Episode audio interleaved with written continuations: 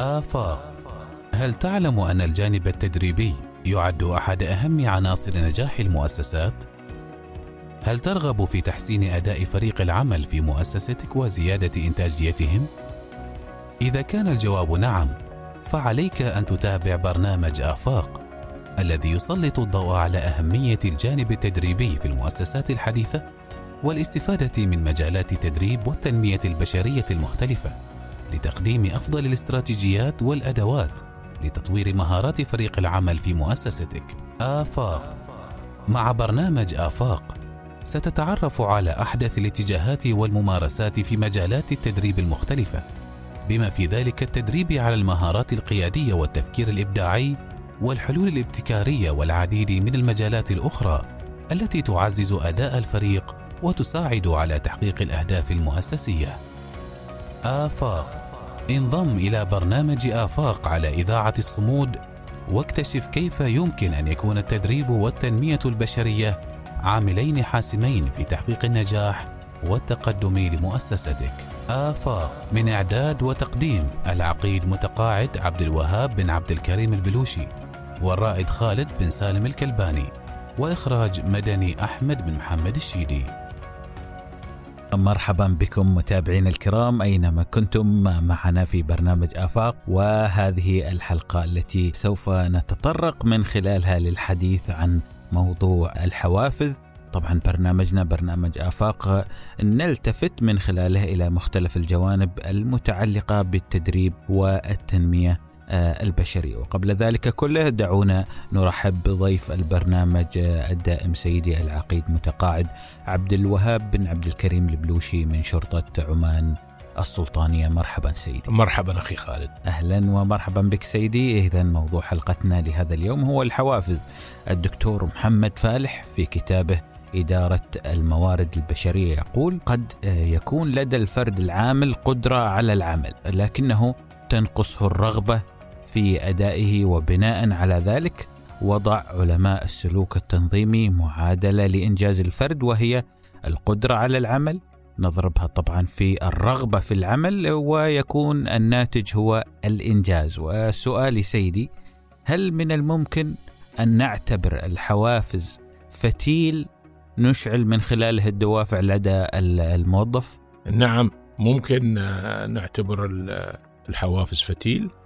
لأن لا ننسى أن العامل البشري هو أهم العوامل المؤثرة على نجاح أي مؤسسة أو منظمة. وطبعا أداؤه الجيد الفاعل والكفاءة تتأثر على مخرجات وجودة أداء المنظمة. بالتالي إذا أردنا أن الموظف يهتم في نفسه يطور نفسه يحسن من كفاءته وكذلك يستمر في المؤسسة أو المنظمة لابد من تحفيزه. على الاستمرار في آه، تقديم هذاك الأداء الجيد والفعال والعمل بجد وإخلاص في تحقيق أهداف المنظمة والمؤسسة، بالتالي لابد من المنظمة من أن ترد جميل هؤلاء المجتهدين المخلصين الكفؤين بتحفيزهم. طبعا هنا نتكلم عن التحفيز آه، يعني نوع التحفيز وأشكال التحفيز، طبعا التحفيز هناك حوافز مادية وحوافز معنوية. الحوافز المادية متعددة يعني مثل مكافآت درجات علاوات استثنائية ترقية إلى آخره نظير الأعمال المتميزة والجهود اللي يبذلها الموظف للنهوض بالمنظمة وبالعمل وتجعل هذه المنظمة متقدمة. أما الحوافز المعنوية طبعا متعددة ومتنوعة منها تقدير وشكر وعبارات وخطابات ثناء الاحتفاء بالموظفين سواء في المناسبات وغيرها. والحوافز المعنوية في الحقيقة لا تقل في تأثير عن الحوافز المادية لأن لها تأثير يسهم في رفع الروح المعنوية للموظف وتعطيه إحساس بأهميته للمنظمة نعم. أو المؤسسة نعم أيضا آه، سيدي العقيد في مقال الحوافز وأنواعها للكاتب سامي الحمو المهتم طبعا بالشأن الاقتصادي يقول الحوافز التي لا تؤدي إلى زيادة الأرباح تعتبر إهدارا للمال. وسؤالي هنا سيدي لماذا ننتظر الحوافز ولا تتحرك لدينا الدوافع؟ كما تعلم هناك فرق أصلا بين الحافز والدافع. الحافز أمر خارجي يأتي من الخارج للشخص أما الدافع هو داخلي ينبع من داخل الإنسان. ولكن مثل ما ذكرت أنا قبل شوي الحوافز يمكن أن تحرك وتوقظ الدوافع. ولأن الحافز يأتي بعد الأجر فهو طبعا بالتالي آه، يحقق آه، الكثير للموظف.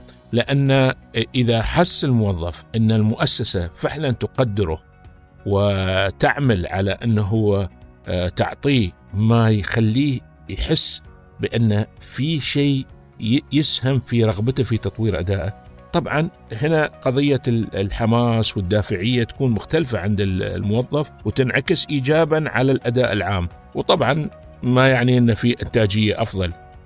الحوافز تساعد على تحقيق التفاعل.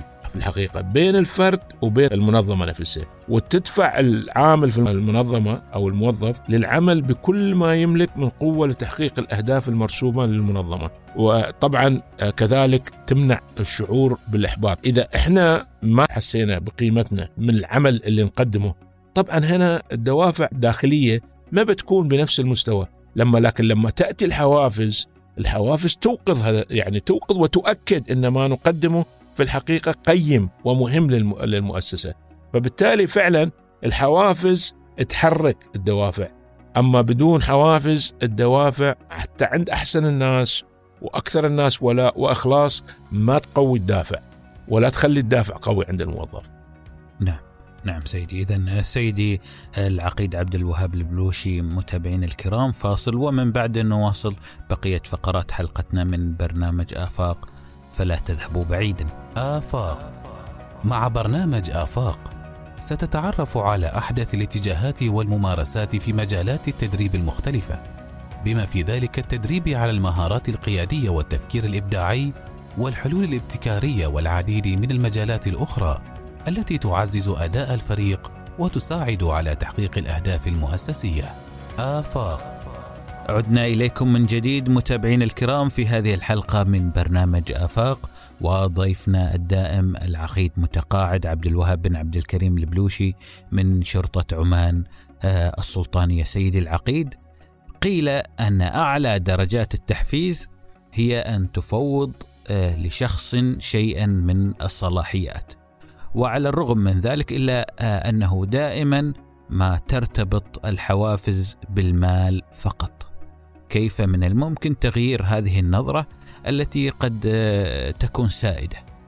حقيقة الربط الحافز مع آه، المال يعني على مر خلينا نقول التاريخ وتاريخ المؤسسات وما ما يتم يعني بحثه فاعل جدا لكن أنت ذكرت الصلاحيات وكيف الصلاحيات ممكن تكون حافز هو يعتمد على حسب الوظيفة ونوع الوظيفة والمكان في الوظيفة قد يكون الصلاحيات في بعض الوظائف وعلى مستويات أعلى في الإدارة حتى إدارة وسطى أو إدارة متقدمة تكون نوع من التحفيز. لا زال الصلاحية تعتبر تحفيز لأنها تعطيك الحافز أنك أنت تقدم أفضل منه. لكن نرجع ونقول المال أو الحافز المادي دائما له آثار أكثر ويتميز أثر كحافز سريع وفوري.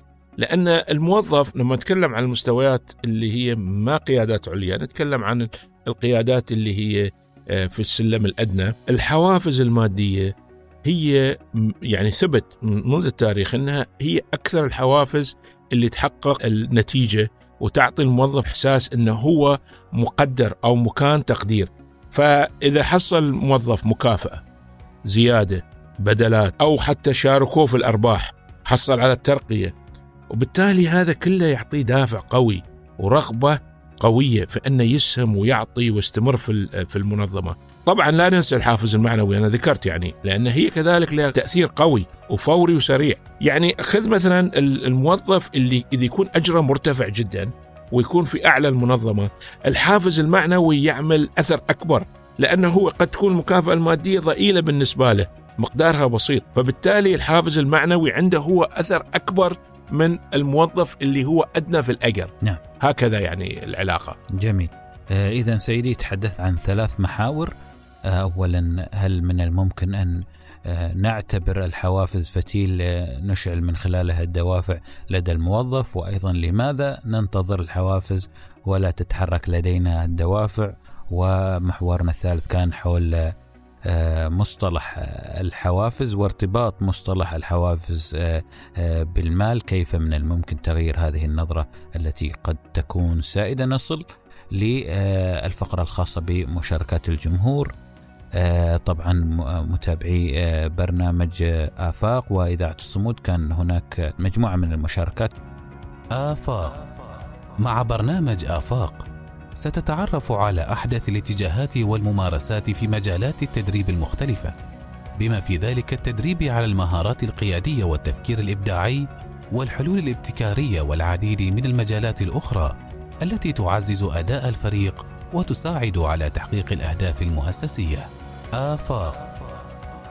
سيدي العقيد المشاركة الأولى التي اخترناها لهذه الحلقة كانت من خلال التسجيل الصوتي من قيصر سالم. نستمع لهذه المشاركة معا. مرحبا بالجميع وشكرا على هذا البرنامج. فقط سؤالي ماذا يعنى بالعصف الذهني؟ شكرا قيصر سالم.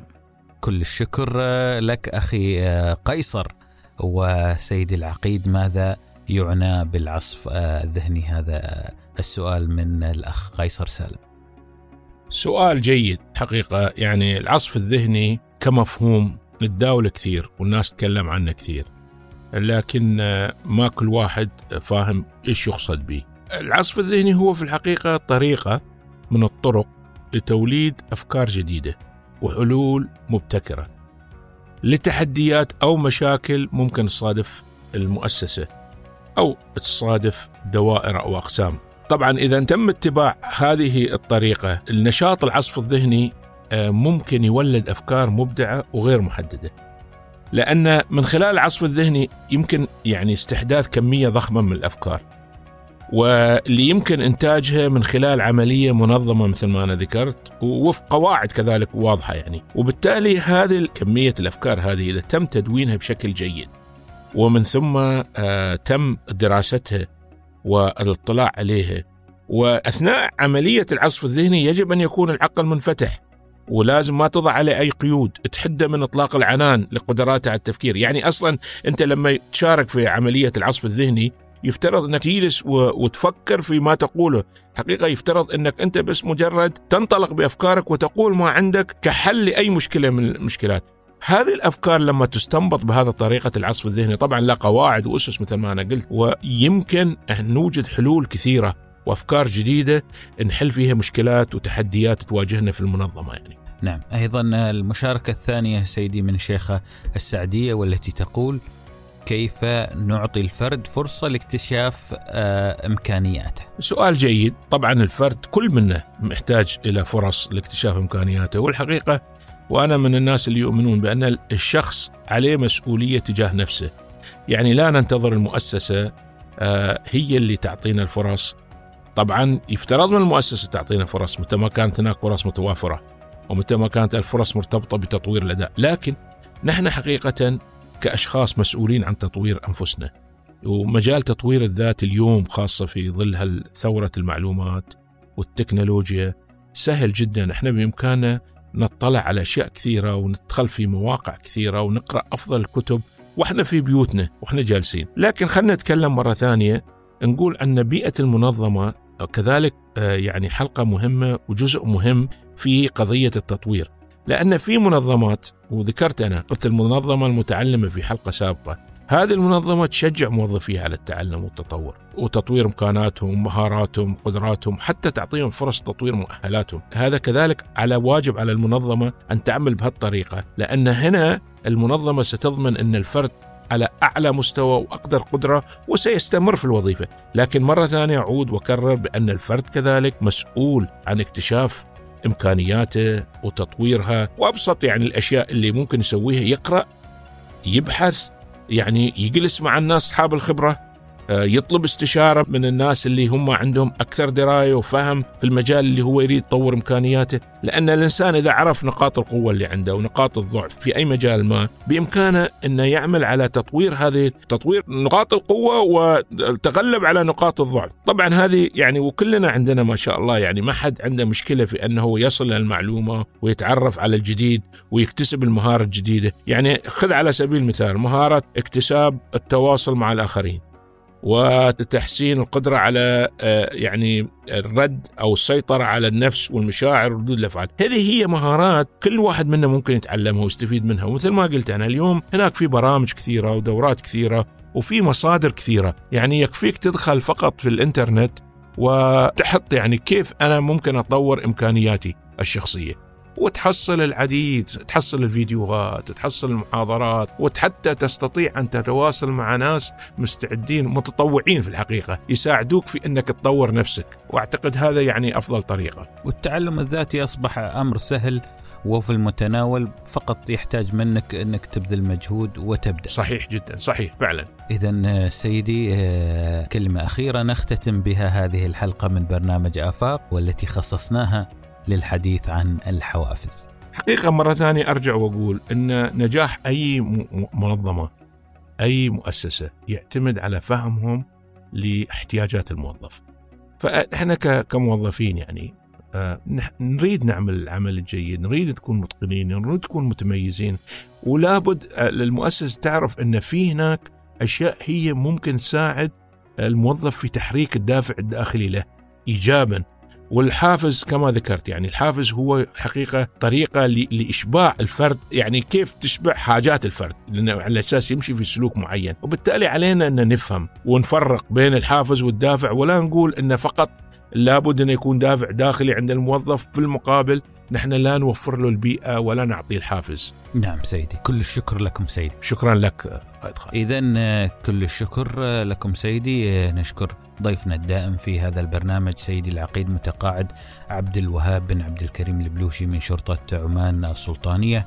ونذكركم متابعينا الكرام أنه بإمكانكم تسجيل استفساراتكم وتعليقاتكم آه، على كل ما يتعلق بالتدريب والتنمية البشرية وكذلك أسئلتكم حول موضوع حلقتنا القادمة بشكل خاص والتي سنتطرق من خلالها آه، إلى موضوع القيادة. يسعدنا مشاركتكم معنا من خلال رسائل الواتساب على 72 770 770 أو من خلال التعليق على تغريداتنا على حسابينا على موقعي تويتر وإنستغرام. وأيضا بإمكانكم متابعة هذه الحلقة ومختلف حلقات برنامج آفاق من خلال تطبيق الساوند كلاود. موعدنا معكم يتجدد في الخميس المقبل بإذن الله تعالى عبر أثير إذاعة آه، الصمود. وفي الختام هذه تحياتي الرائد خالد بن سالم الكلباني وتحيات مخرج البرنامج مدني أحمد بن محمد الشيدي. دمتم في أمان الله وحفظه. والسلام عليكم ورحمة الله وبركاته. آفاق هل تعلم أن الجانب التدريبي يعد أحد أهم عناصر نجاح المؤسسات؟ هل ترغب في تحسين أداء فريق العمل في مؤسستك وزيادة إنتاجيتهم؟ إذا كان الجواب نعم، فعليك أن تتابع برنامج آفاق الذي يسلط الضوء على أهمية الجانب التدريبي في المؤسسات الحديثة والاستفادة من مجالات التدريب والتنمية البشرية المختلفة لتقديم أفضل الاستراتيجيات والأدوات لتطوير مهارات فريق العمل في مؤسستك. آفاق مع برنامج آفاق ستتعرف على أحدث الاتجاهات والممارسات في مجالات التدريب المختلفة بما في ذلك التدريب على المهارات القيادية والتفكير الإبداعي والحلول الابتكارية والعديد من المجالات الأخرى التي تعزز أداء الفريق وتساعد على تحقيق الأهداف المؤسسية آفاق انضم إلى برنامج آفاق على إذاعة الصمود واكتشف كيف يمكن أن يكون التدريب والتنمية البشرية عاملين حاسمين في تحقيق النجاح والتقدم لمؤسستك. آفاق من إعداد وتقديم العقيد متقاعد عبد الوهاب بن عبد الكريم البلوشي والرائد خالد بن سالم الكلباني وإخراج مدني أحمد بن محمد الشيدي.